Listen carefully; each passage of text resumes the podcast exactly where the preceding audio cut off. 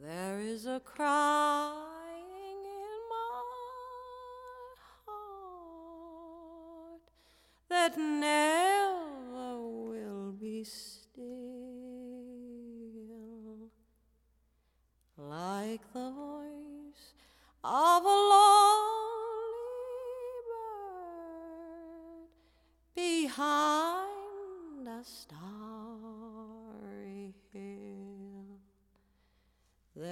There is a crying in my heart for what I may not know. Infinite crying of desire because my feet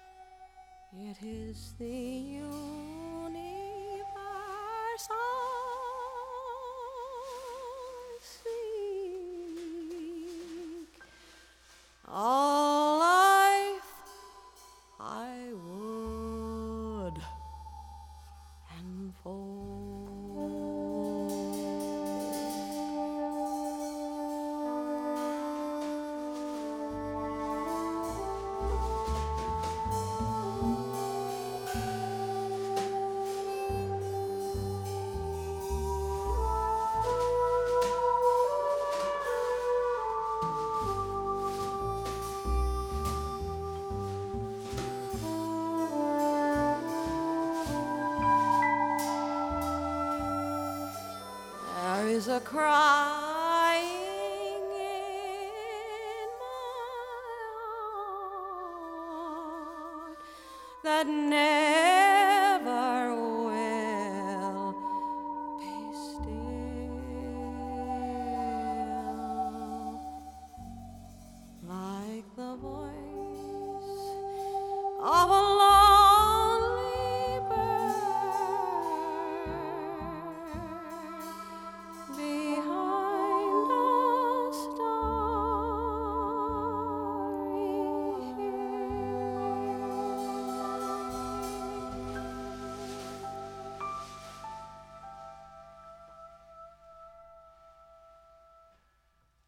Góður áherindur verði hjartanlega velkomnir að hátalaranum.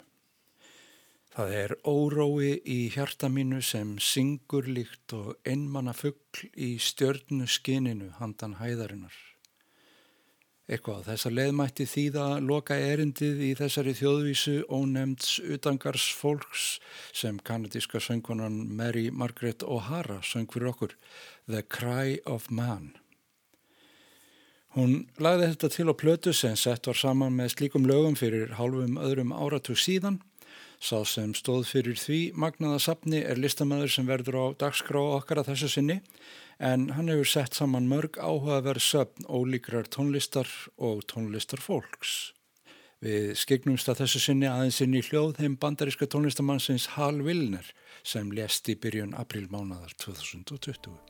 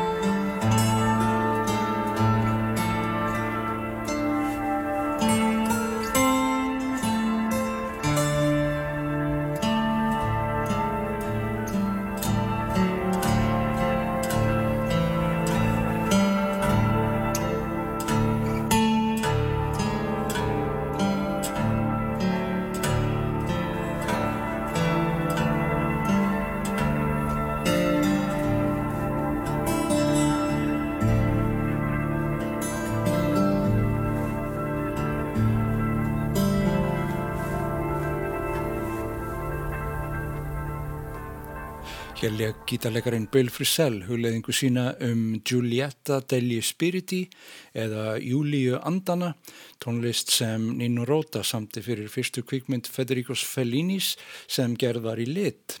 Það var árið 1965.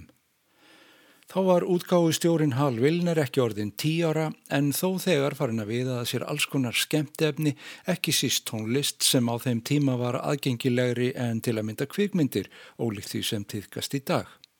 En Hal Vilner átti sitt uppáhalsfólk í kvikmyndum sem barn og þar að meðal voru Laurel og Hardy sem hann sótti mikið í.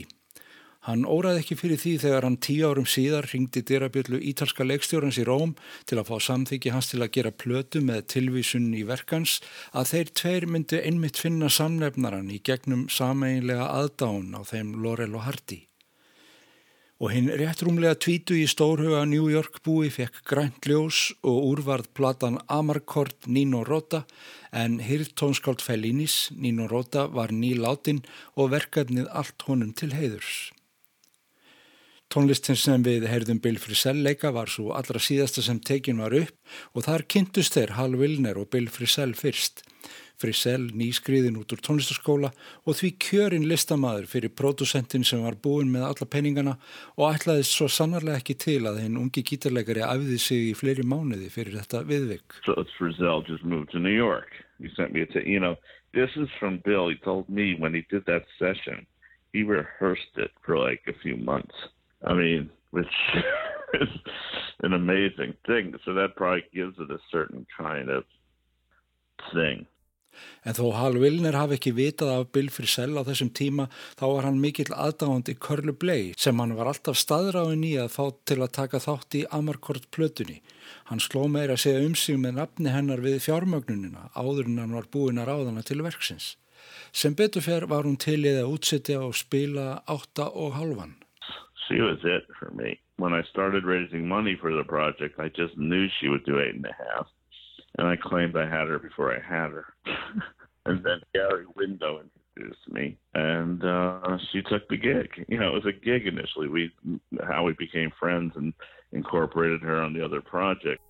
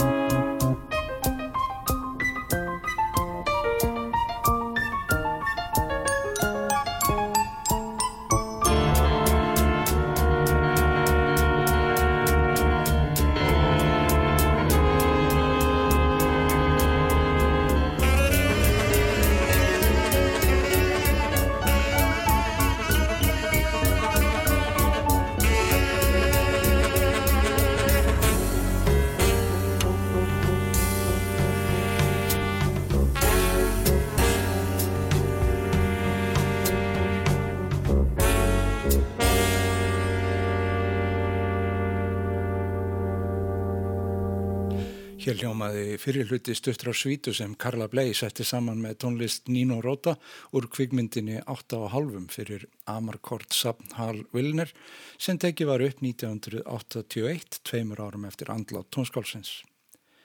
Og það er aðtiklisvert hvernig Hall Wilner nálgast verkefni sem þetta og fleiri sem komi í kjölfarið með tónlist sem hafði haft áhrif á hann í uppvextinum. Hljónsveit Körlu Blei var í byrjun nýjunda áratugurins mikilvægur hlekkur í keðju stóra hljónsveita jazzins og þar var líka að finna stóra hljónsveitir úr annari átt, frítjass senunni frá Chicago en þeir sem þaðan komu voru ekki síður áhuga samir um tónlist Nino Rota. Þeir á meðal pínuleikarin Muhal Richard Abrams.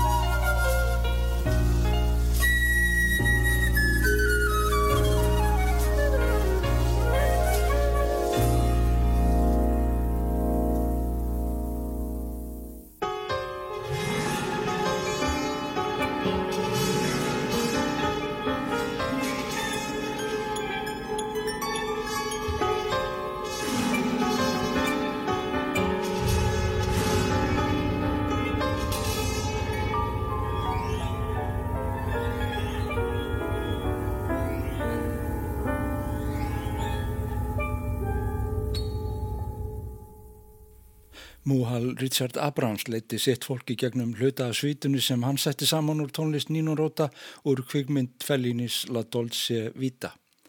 Honum til fulltingis var Sharon Freeman, hortleikari og útsettjari. Það er eitt aðalsmerki Hal Wilner sem upptökustjóra að hann var allan sinn feril ákavlega vel upplýstur um það sem var í gangi hverju sinni og leitaðist við að finna verkefnum sínum réttan hóp listafólks sapnaði þá gerna saman þeim sem höfðu líst aðdáun sinni á viðkomandi viðfónsefni. Amarkort platan er ágætt dæmi um hvernig slík breyðfylking getur litið út, á henni koma fram hartnar 40 hljóðfarleikarar í ýmsum samsetningum. Hal Wilner starfaði sjálfur meðal annars við að velja tónlist fyrir sjónastættina Saturday Night Live og kom þar í vinnu því sem hafði verið álitinn daldi mikil serviska, ólæknandi áhugi á framandi tónlist og ekki síst kvikmyndatónlist. Gríðarlegt hljómblutu sapn hans kom að góðum nótum og hann gætt áallt fundið snertifleiti tónlistarinnar með þeim sem hann leitaði eftir samstarfi við. Honum fannst til að mynda sérkennilegt hvernig djastleikarar virtust setja einir að því að minnast meistara Theloniusar Monk þegar hann fjall frá 1982. Meiri að segja Óskar Pítursson spilaði á minningar tónleikum um Monk en hafði þó aldrei haft neitt gott um hann að segja meðan hann livði, saði Hal Vilner í viðtali.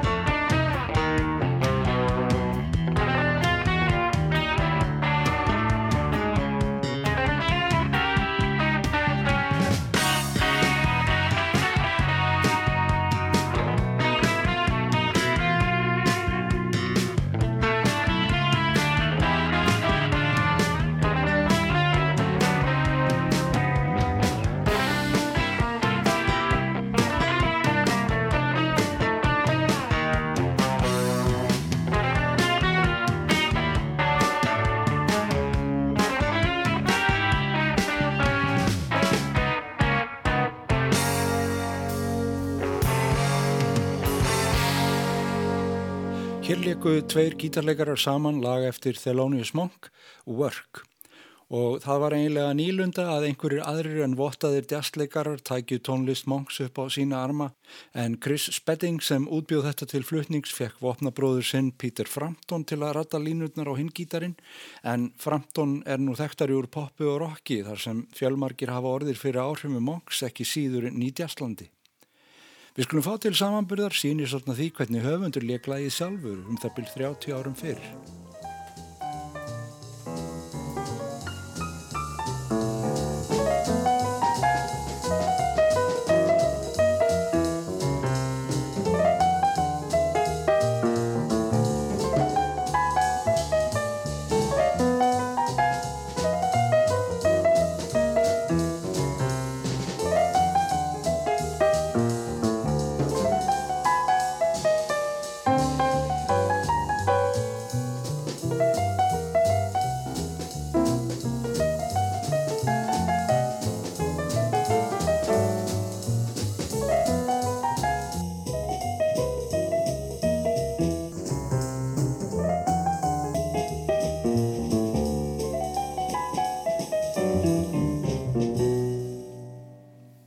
En þó að Hal Wilner væri umhugaðum að finna nýjar og ferskar hliðar á tónlist Monks þýtti það alls ekki að jazzfólki væri ítt út af borðinu.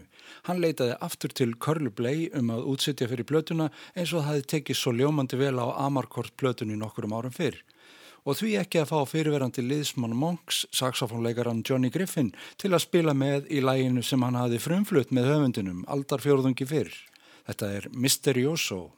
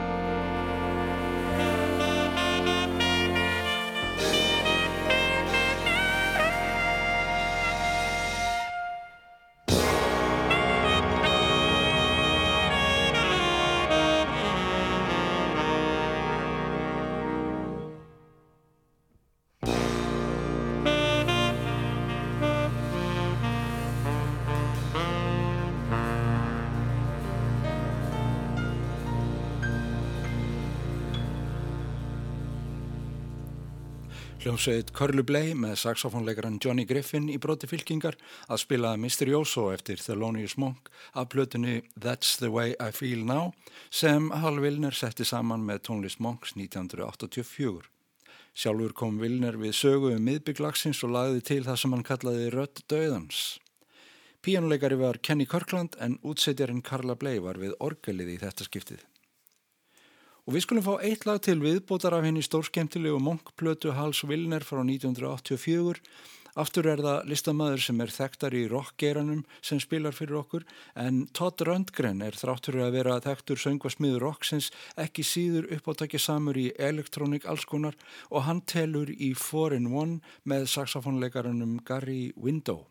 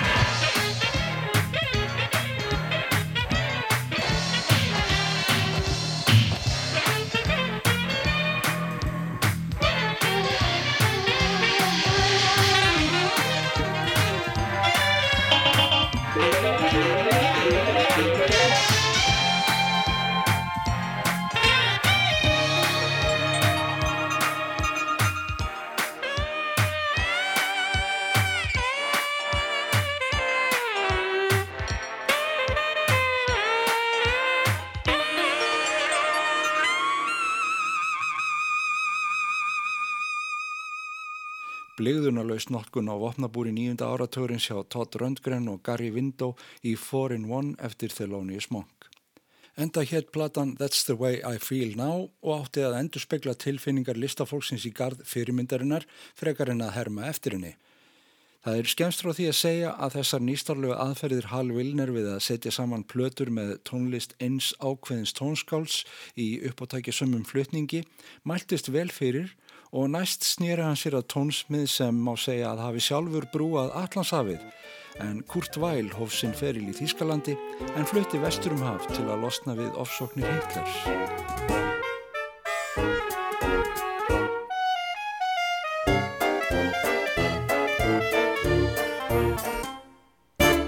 Steve Weisberg leiti hljómsett sína í gegnum ingangin að söngleik eftir upprunalega glimmer tvíeiki þýska Kurt Weil og Bertolt Brecht Mahagoni Songspil var samið í blálokk þriði áratögarins og frumsýnt í Leipzig 1930 og hardbannaða nazistum þremur árum síðar.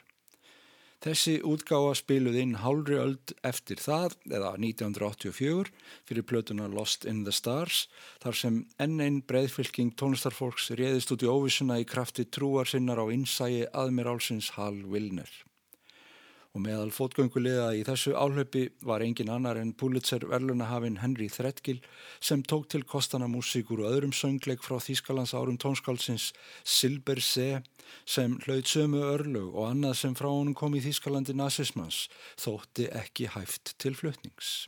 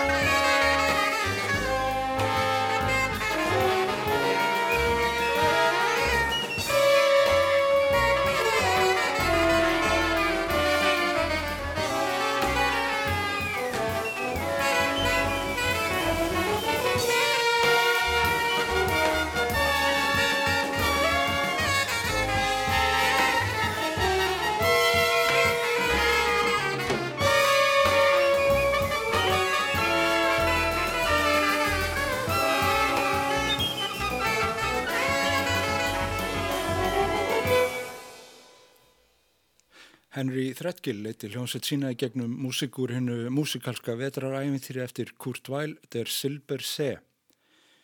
Það kennir margra grasa á stjórnum prítri plötunni Lost in the Stars þar sem þessi músik er geimt. Þar syngja bæði Sting, Marianne Faithfull og Lou Reed nokkur þekktustur lagana úr söngbók Kurt Weil og Tom Waits syngur lag úr þekktasta söngleiknum úr safni hans Túskildingsóperni.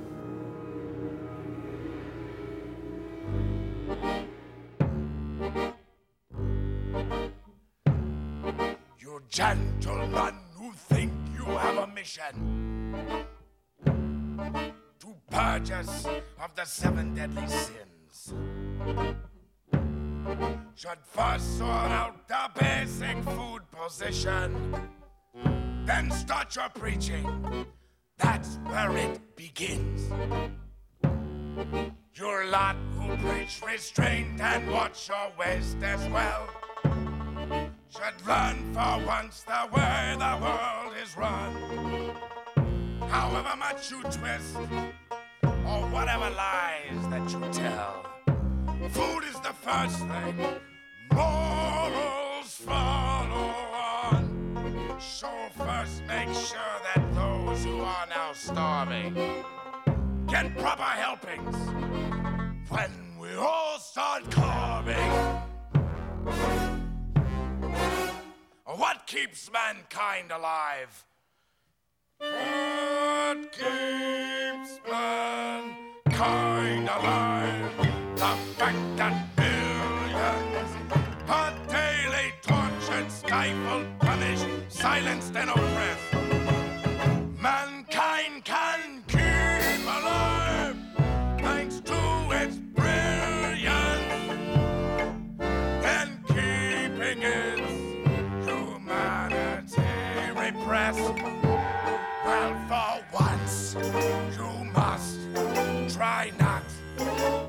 Shrink the facts.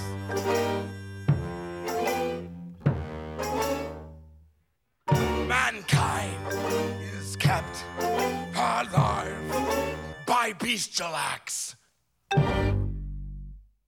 Já, hvað er það sem við heldur mannkinninu annað en dýrslegar kvatir þess? Lokasöngur annars þáttar tóskildingsóperunar.